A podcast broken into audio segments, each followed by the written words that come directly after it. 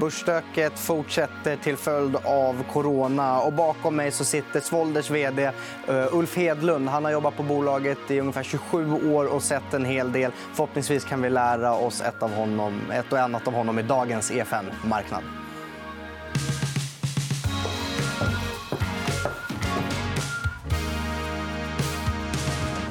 Ja, välkommen hit, Ulf. Tack. Eh, ja, i, i, tider som dessa, hur, hur, ser en vanlig dag ut för dig som börs Ja, det är inte direkt en vanlig dag. Nej. Det är det definitivt inte. Och, eh, som sagt, det här är, ingen kris är väl exakt den andra lik. Och det är... Jag tycker det är en situation att man ska ha respekt för vad som händer men det gäller någonstans också att försöka låta bli att gripas av panik. Och någonstans i de här sammanhangen så vill jag gärna slå ett extra slag då ska vi säga, för aktiv förvaltning via investmentbolag. För där, och I synnerhet om det är ett obelånat investmentbolag. För vi behöver inte sälja av våra portföljinnehav. Vi behåller dem som sådant. och, och till skillnad då från olika ska vi säga, indexprodukter och annat. För vi kan agera utifrån bästa omdöme medan index har inget omdöme. Index följer trender som sådant och kommer att agera därefter. Och det är väl just i sådana här situationer som verkligen det, om vi kallar det för det långsiktiga omdömesgilla kapitalet behövs.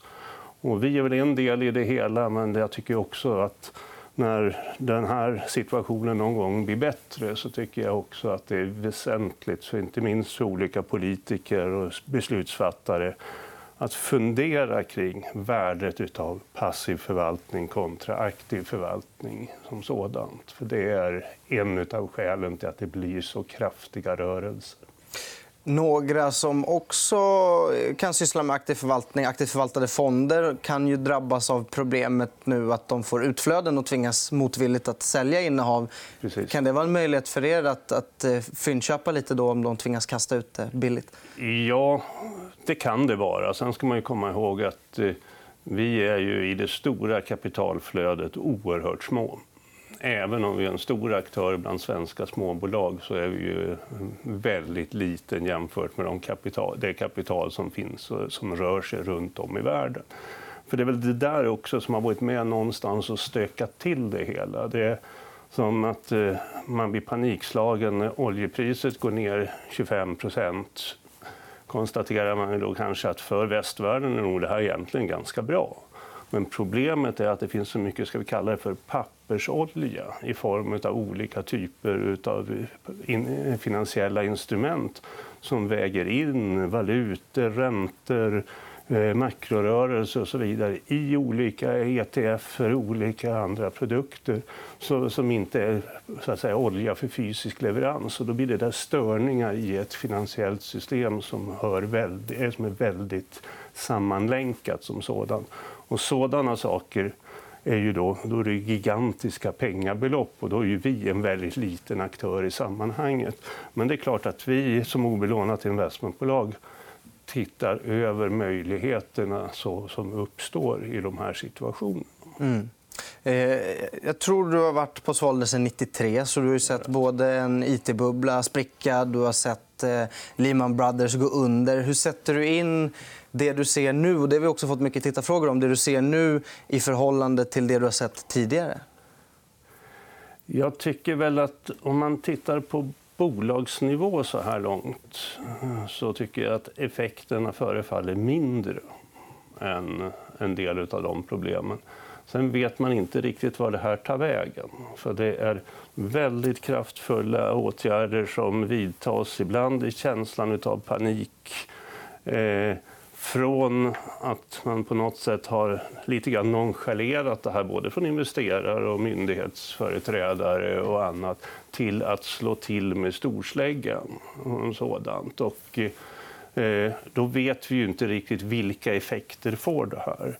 Men jag skulle väl säga som sådant att eh, det finns en, det finns en värld så småningom när det här också kan börja skrivas till historien.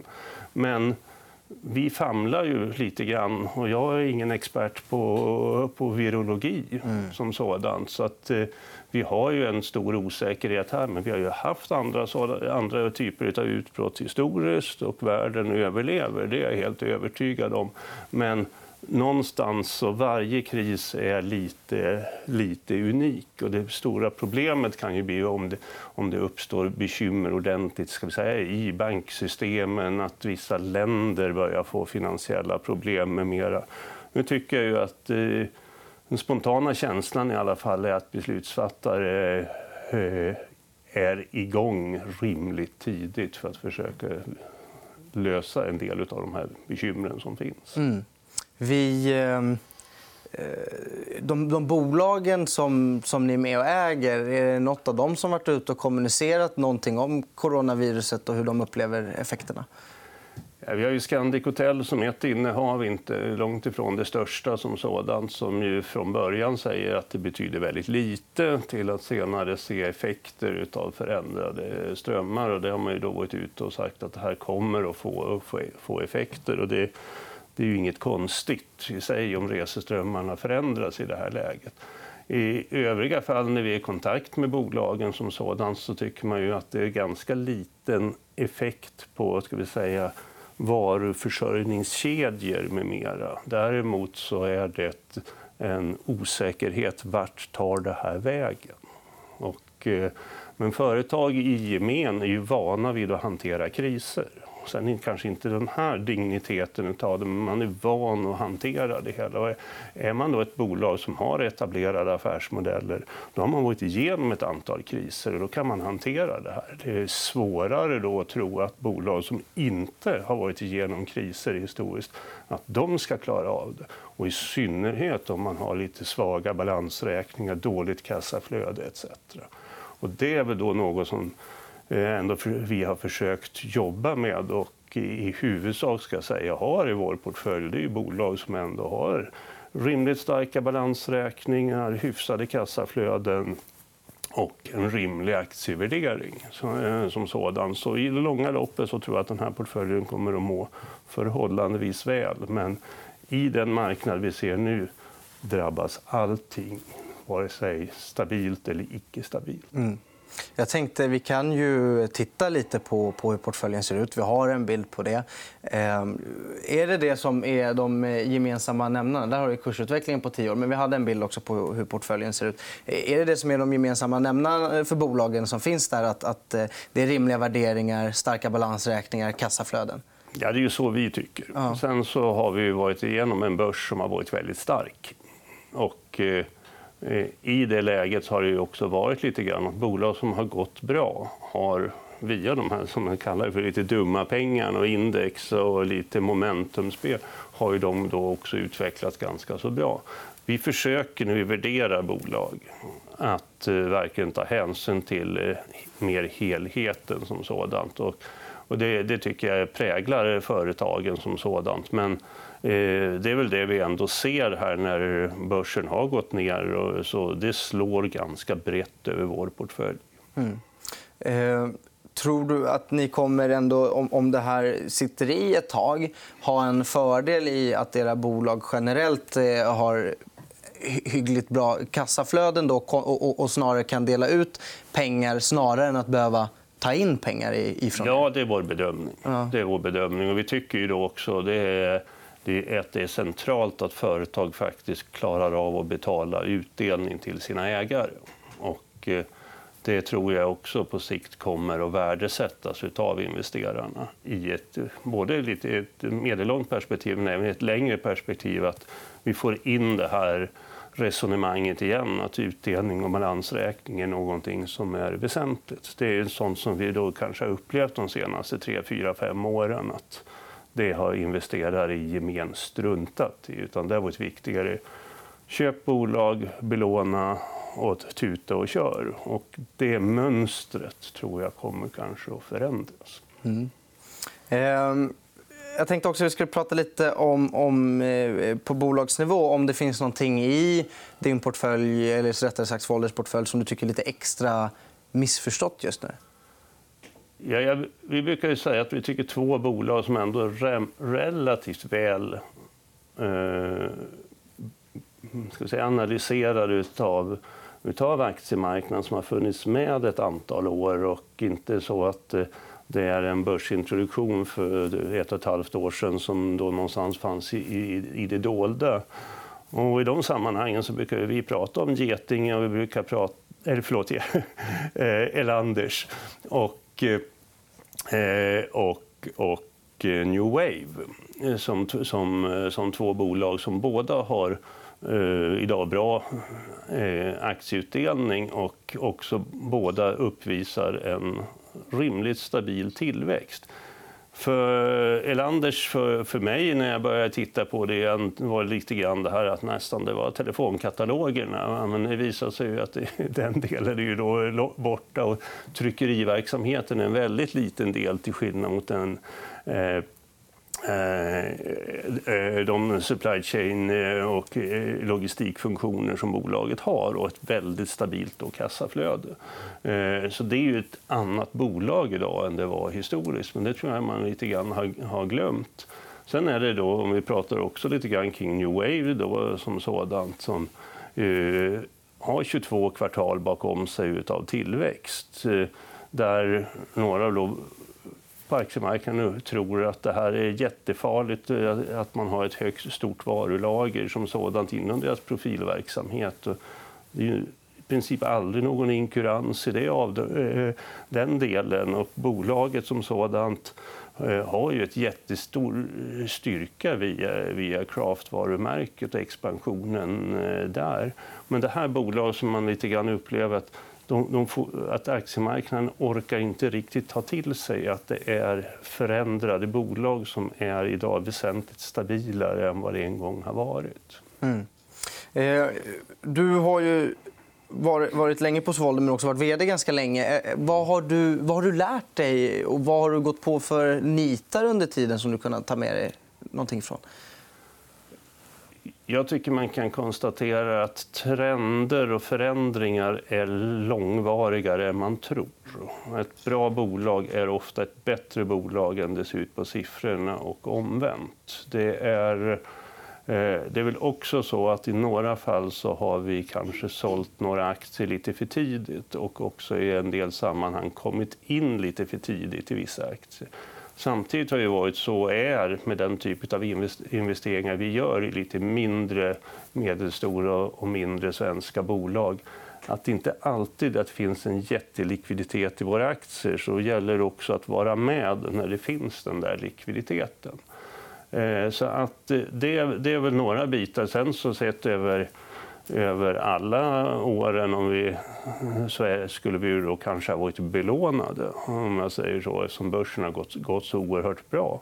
Idag när jag sitter här så är jag väldigt glad att vi inte är belånade eh, som sådant. Och jag vet också om att i de situationer när det verkligen har blåst där ute, att om man är belånad i den situationen, då är situationen mycket, mycket allvarligare. Men lockar det att om den här att börsen fortsätter gå ner att då belåna sig för att kunna köpa här när det börjar bli billigt?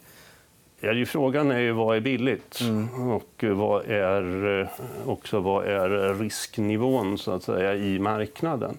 Men ofta brukar man kunna uppleva det som att när man själv ser risken som hög, då är den faktiska risken ganska låg och omvänt. Så att det kommer ju en situation när det här vänder. Om det sker idag, om det sker om en vecka, en månad eller ett, eller ett halvår, det tror jag är jättesvårt att säga. Men vi har fått upp en risknivå en, eh, i, i, i marknaden, en rädsla som är lite unik. Och eh, i de sammanhangen om man har långa pengar som man långsiktigt tycker är värdefullt att de finns med på aktiemarknaden, ja, då har ju aktiemarknaden över tid varit ett bra, placer- bra sätt att placera sina pengar. Men eh, alternativet att belåna sig, är det någonting ni överväger då? Jag skulle inte säga att vi gör det idag. Nej. Men att eh, situationen kan mycket väl uppstå om det skulle vara så att det här Eh, att det här fortsätter att ha väldig instabilitet på marknaderna. Och vi upplever i vår, i vår analys att den underliggande situationen någonstans håller på att förbättras. Och det finns ju även i det här, och kanske kan vara värt ändå att omnämna, att allting där ute är ju inte bara mörker. Vissa saker i Asien utvecklas ju förmodligen i rätt riktning.